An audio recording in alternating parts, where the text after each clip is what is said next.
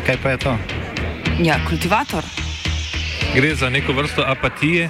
To lahko reče samo kreten, noben drug. Socialni invalid in ga je ne mogoče urejati. Drugi kandidat. Pa, eh, pa pije, kadi, masturbira, vse kako ti lahko reče. Nihče tega ne ve. Vsak petek skultiviramo dogodek tedna. Lahko po kriterijih radio študent, težko pa po evropskih kriterijih. Ampak na drug način, kot vi to mislite. Kultivator vedno užge. da pač nekdo sploh omenja probleme, ki so in da pravzaprav sploh nekdo sproži dogajanje uh, v družbi.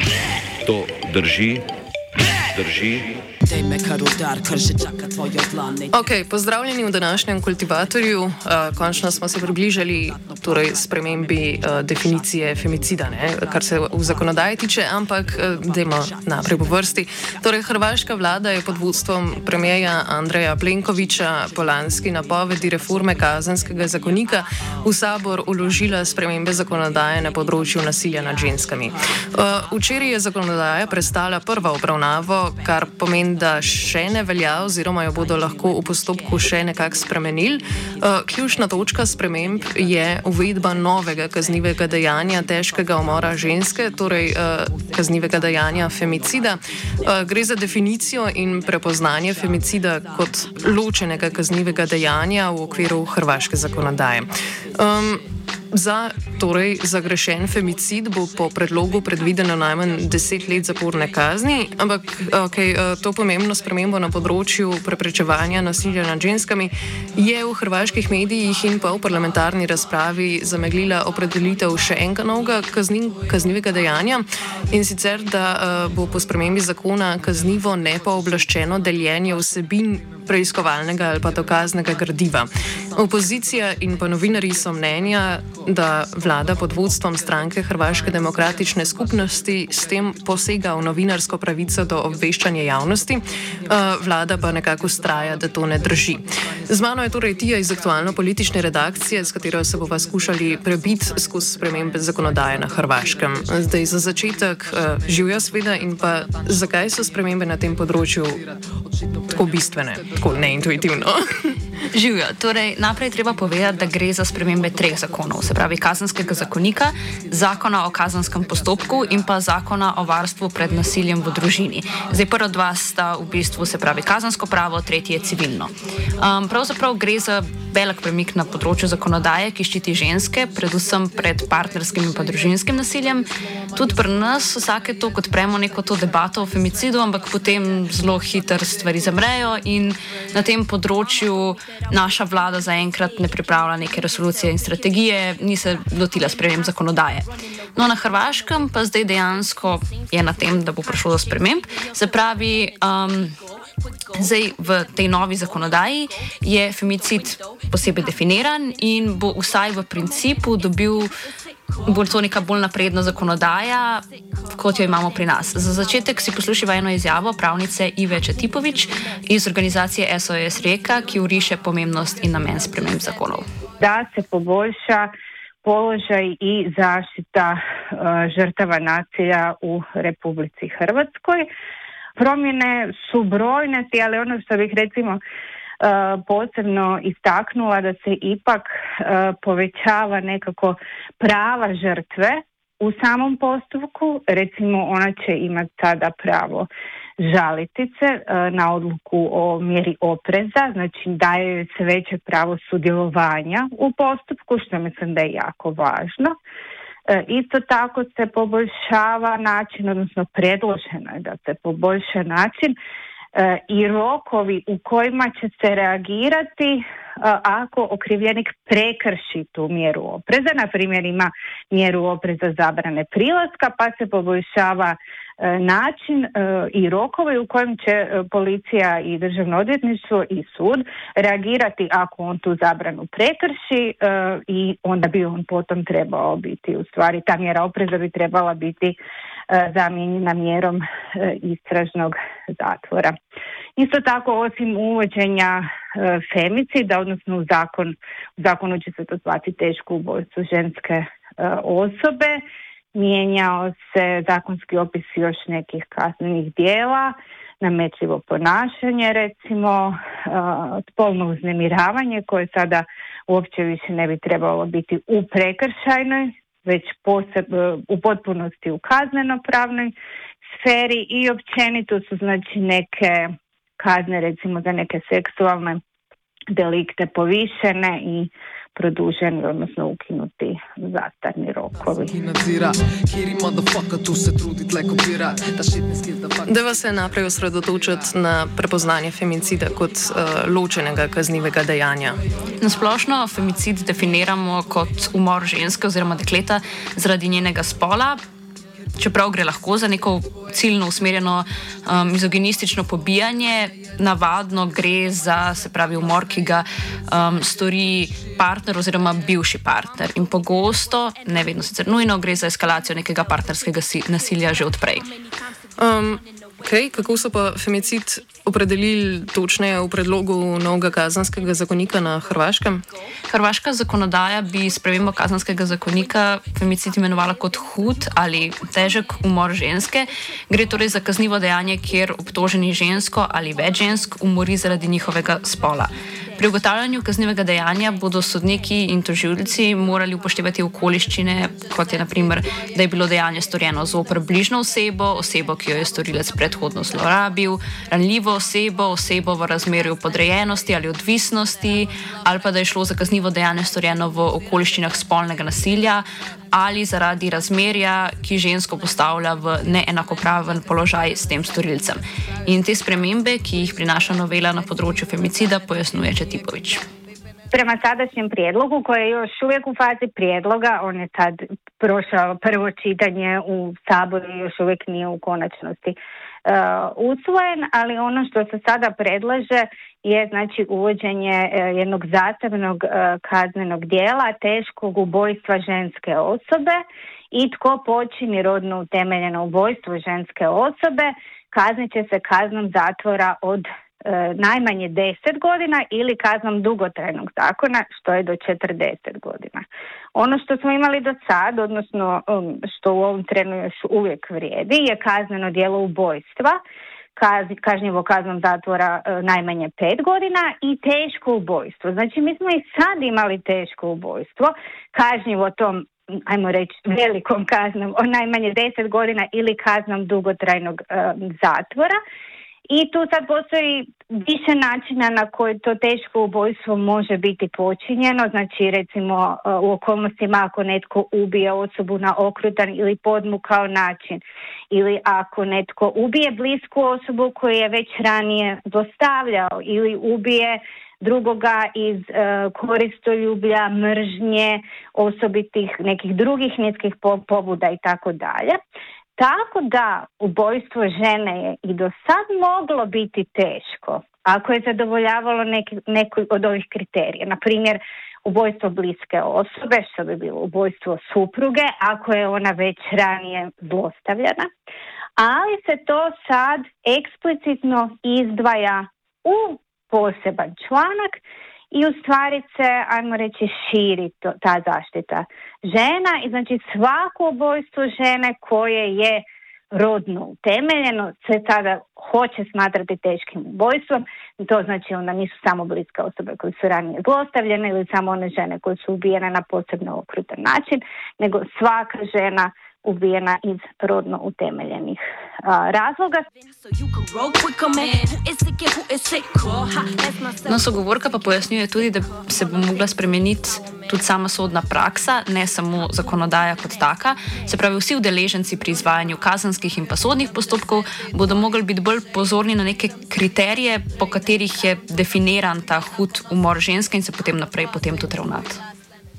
Ostaje na sudskoj praksi da e, dobro razradi i da se u stvari dobro upozna s tim što će neko ubojstvo činiti e, rodno utemeljenim. S tim što sam taj članak koji ulazi u zakon u svom stavku 2 e, malo kao pomaže, ajmo reći, svima onima koji će primjenjivati taj zakon, pa onda kaže da e, će se pri utvrđivanju toga da li je neko e, ubojstvo žene teško ubojstvo ženske osobe u smislu zakona ili ne, da će se uzimati u obzir da li je počinjeno prema bliskoj osobi, prema osobi koja je već ranije bila zlostavljena, prema osobi koja je ranjiva ili koja je u odnosu podređenosti ili zavisnosti prema počinitelju ili je dijelo počinjeno u okolnostima spolnog nasilja ili zbog odnosa koji žene stavlja u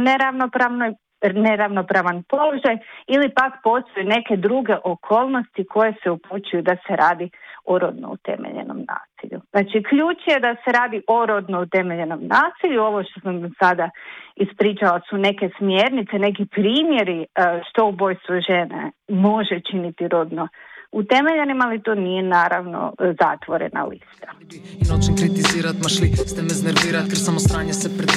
Z vsakim umorom ženske, ki ga stori partner ali pa bivši partner, se uh, v javnosti, v medijih, vsaj za kratek čas uh, ponovno odpre uh, pogovor o definiciji femicida, ne? vsaj v Sloveniji pač uh, tak pristop zadnje čase. Um, v glavnem, ampak tukaj še ni femicid definiran kot posebna oblika kaznivega dejanja. Uh, a gre slučajno pri tem zato, da je na Hrvaškem femicid morda večji problem kot v Sloveniji, ali so samo hitrejši?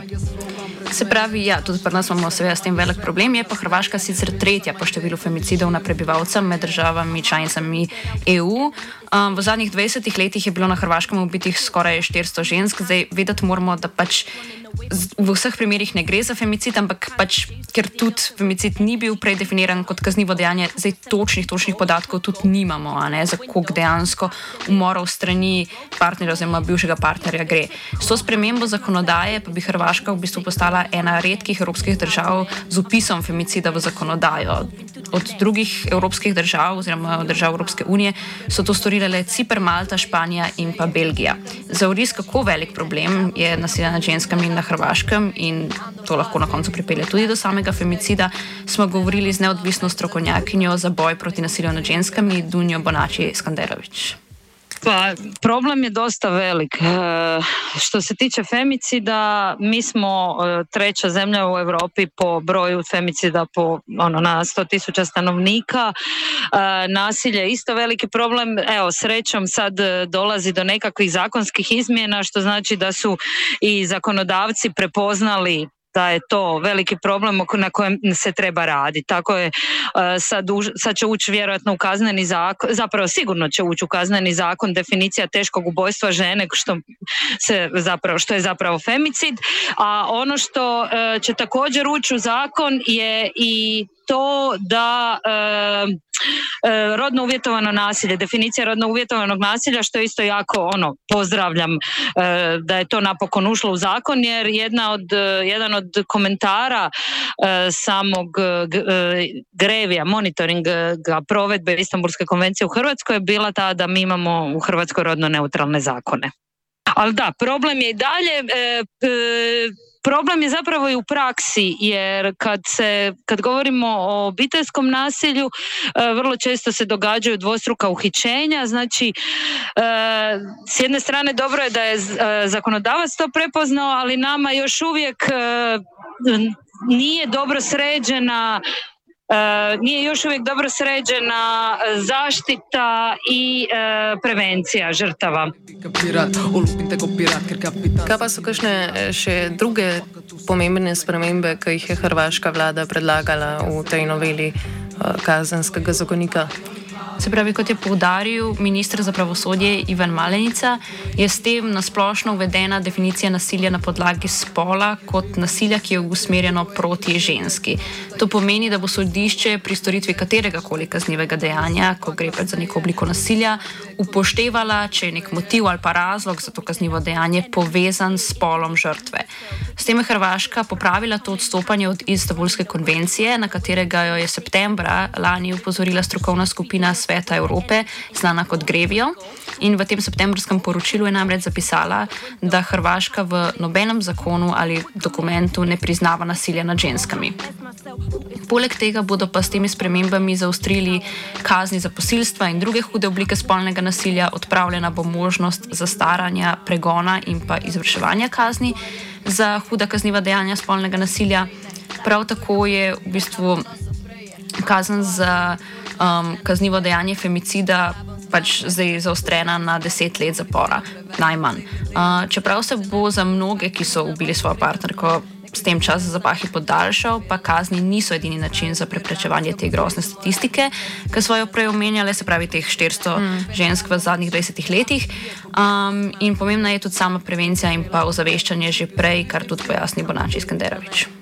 Kazne, mislim, sad sa, e, novi, sa uvođenjem e, teškog ubojstva žene, znači do, minimalna kazna će biti 10 godina, ali kazne zapravo ne sprječavaju e, nekoga da počini femicid.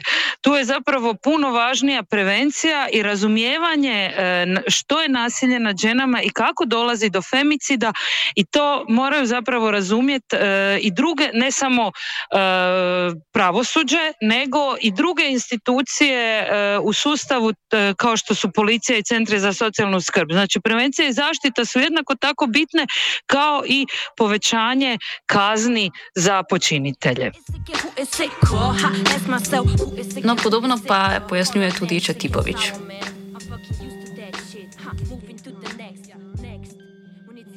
Samo kažnjavanje, znači mi možemo povisiti same kazne do beskraja, da tako kažem, ali to samo po sebi neće e, dovesti do e, nekakvog značajne promjene ili značajnog smanjenja nasilja e, prema ženama. To je samo jedna od mjera koja je potrebna, ali postoji i druge koje su moguće na kojima također treba raditi, a najviše tu sad mislim na prevenciju. Znači na rad na samoj prevenciji, isto tako na edukaciji sustava, na edukaciji sudaca, na edukaciji svih koji rade sa žrtvama, da oni zaista razumiju rodno uvjetovano nasilje, pa da se i sami uh, postupci drugačije vode, da se prema samim žrtvama drugačije postupa, da se njima više vjeruje, da ih se ranije zaštiti uh, i tako dalje. Znači mislim da je to ono što bi bilo puno, puno učinkovitije od samog povisivanja kazni.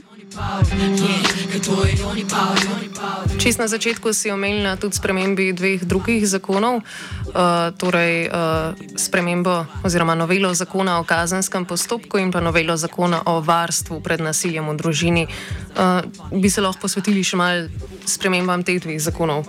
Seveda, se pravi, če se prvo sredotočiva na zakon o kazenskem postopku, tukaj gre za širjenje pravic žrtev nasilja v času trajanja, kot že sam zakon pove, kazenskega postopka. Se pravi, uvedena je pravica žrtve do pritožbe zoper odločbo o varnostnih ukrepih, se pravi, gre za čas, ko se zbirajo dokazi, takrat veljajo ti varnostni ukrepi za žrtev um, in te ukrepe izreče um, sodišče. Prav tako ob izreku varnostnega ukrepa je predpisana prepoved približevanja um, na 100 metrov, v primeru kršitve teh varnostnih ukrepov pa bo z novelo policija imela pooblastila za pridržanje storilca, sodišče pa bo dolžno v 24 urah odločiti o zamenjavi varnostnega ukrepa s preiskovalnim priporom.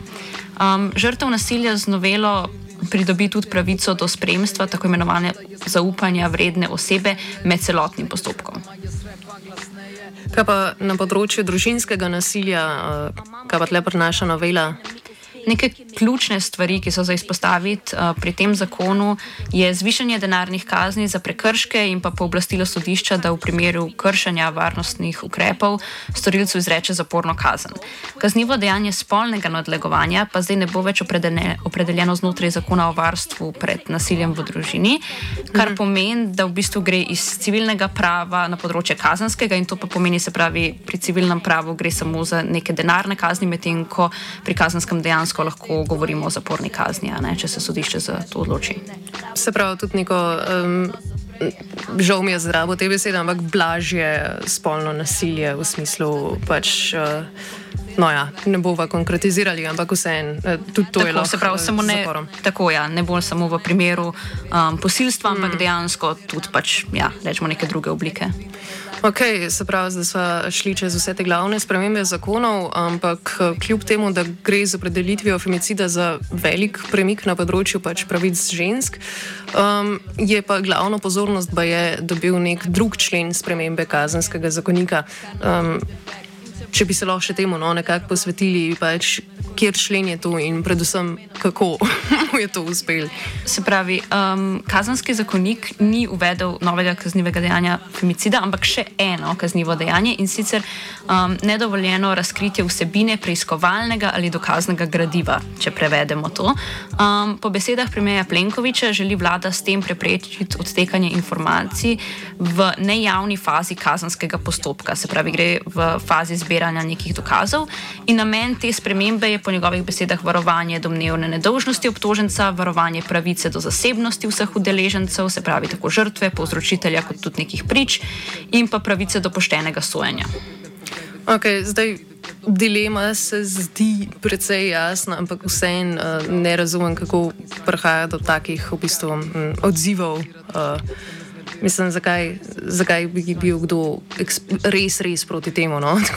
Dejansko se je opozicija obesila na ta člen in tudi mnogi novinarji so bili mnenja, da bo to poseglo v njihovo novinarsko poročanje.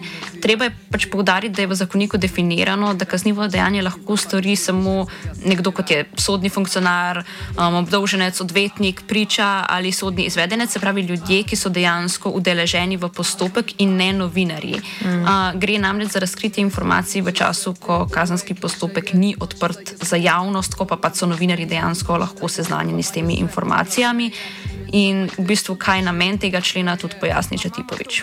Prema informacijama koje imamo od samog predlagatelja zakona, znači Ministarstva pravosuđa i uh, uprave, nekako je cilj uspostavljanje odnosa ravnoteže između, znači s jedne strane prava javnosti da zna šta se događa s kaznenim postupkom, jel da u javnom interesu ipak ima neke informacije, ali s druge strane da se zaštiti uh, sam kazneni postupak. I onako kako je javnosti pojašnjeno, točno je pojašnjeno koji su mogući počinitelji ovog kaznenog dijela, znači cilja se na dužnosnike i službenike u pravosudnom tijelu, jel, na primjer policijske službenike, ne znam, vještake, državne odvjetništve i tako dalje, koji ne bi smjeli neovlašteno otkrivati dalje nekome van tog postupka sadržaj izvidne ili dokazne radnje. Novinari so se, prav tako kot opozicija, obregnili predvsem ob to, kaj se bo zgodilo z novinarji, ki bodo razkrili te informacije in s tem obveščali, kar je tudi naloga novinarstva. In poslušajmo, kako je člen prepraševala poslanka opozicijskih socialdemokratov Mirela Ahmetovič.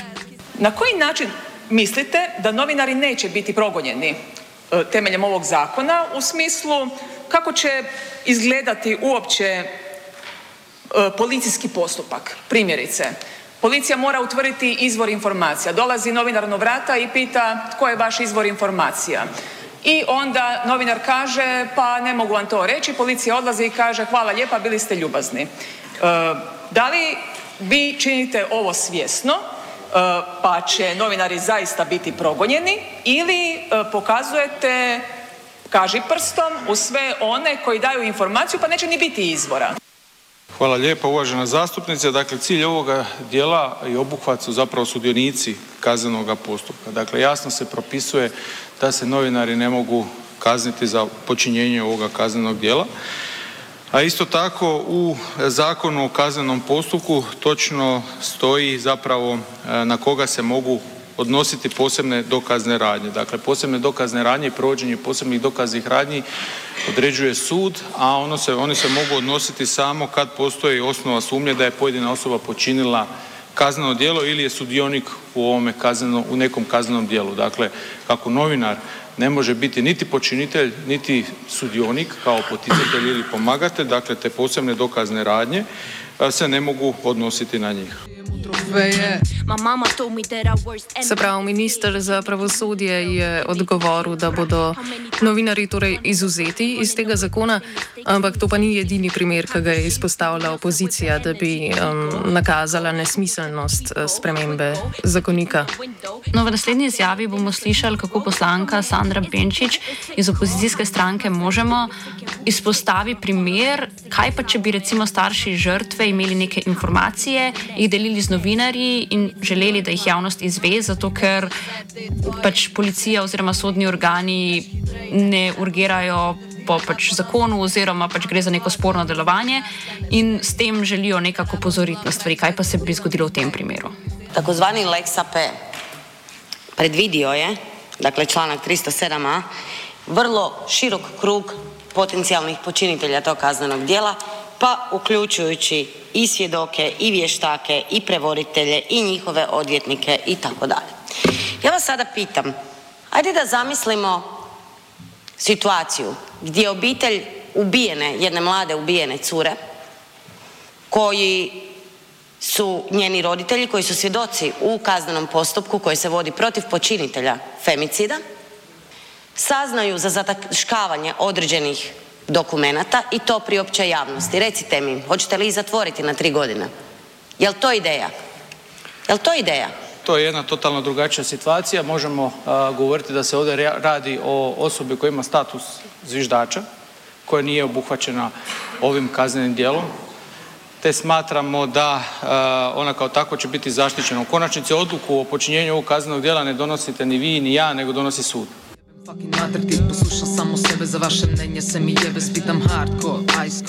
No, kot smo slišali, kot je pač pojasnil uh, minister, bodo v primeru pač obravnavani kot žvižgači. Um, vsaj tako obljubljajo vladi. Torej, ni samo vprašanje tega, kaj bodo novinari razkrili, ampak ali bodo imeli vere za razkrivanje. In kot pojasni Bonači Skenderovič, o femicidih na Hrvaškem poročajo večinoma tabloidi, ki pa temelijo na senzacionalnem in ne gre za neko splošno obveščanje javnosti ali pa kritiko nasilja nad ženskami. Ovisi, dakle, femicid je uvijek vijest kad se dogodi. I onda e, kroz medije mi možemo, e, javnost dobija nekakve detalje koji ponekad stvarno nisu ni potrebni e, da izađu u medije. I obično je to medijska pozornost takvih slučajeva je dan, dva, tri. E sad, ako se radi o nekom slučaju koji je poprilično brutalan, onda se zna malo duže pratiti, onda čak mediji znaju pratiti podizanje optužnice i e, cijelo suđenje. Tako da stvarno ovisi od medija do medija. Međutim, još uvijek se senzacionalistički piše, još uvijek se navode imena žrtava, slike žrtava, povijest, žrtv, e, povijest e, žrtava, tako da e, mislim bez obzira što je pravobraniteljica za ravnopravnost spolova izdala priručnik na koji način bi trebalo se medijski izvještavati o nasilju nad ženama, dio medija se još uvijek toga ne drži. Ne rabim sploh reči, da zahtevam respekt. Se pravi, all in all, bi lahko rekli, da nova zakonodaja prinaša velike spremembe, pa predvsem boljše razmere za življenje žensk eh, na Hrvaškem. Mislim, sigurno gre za neko izboljšanje. Ne? Zdaj pač ne moramo zanikati tega, je pa treba videti, kakšne bodo stvari v praksi. Vedno gre pač za neko diskrepanco med teorijo in prakso, sploh pa takih zadevah. Tako da, ja zaenkrat ostaja stvar v zraku in tudi, kot smo že prej povedali, je vprašanje se pravi nekega tega izobraževanja že prej, ne samo kazni v primeru, ko je ženska že bila umorjena strani partnerja.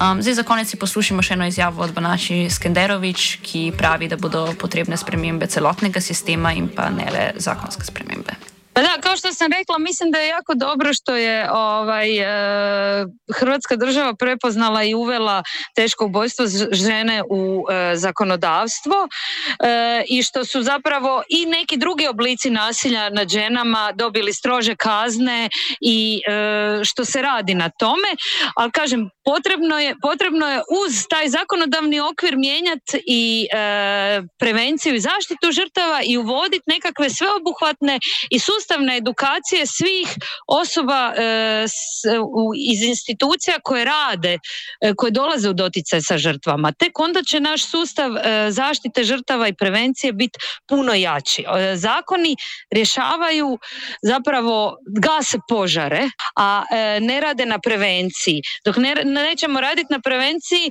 ne, nema smi, ono, treba se sve to uvezati zapravo.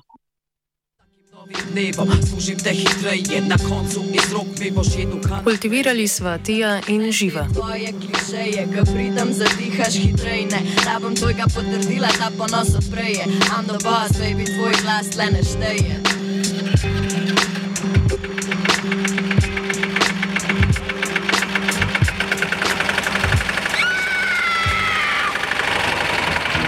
Ja, kaj pa je to? Ja, kultivator. Gre za neko vrsto apatije. To lahko reče samo kreten, noben drug. Socialni invalid in ga je nemogoče urejati. Drugi kandidat. Pa, eh, pa pije, kadi, masturbira, vse kako človek počne, nihče tega ne ve. Vsak petek skultiviramo dogodek tedna. Lahko po kriterijih radio študent, težko pa po evropskih kriterijih. Ampak na drug način, kot vi to mislite. Kultivator vedno užge. Da pač nekdo sploh omenja probleme, ki so, in da pravzaprav sploh nekdo sproži dogajanje eh, v družbi. To drži, drži.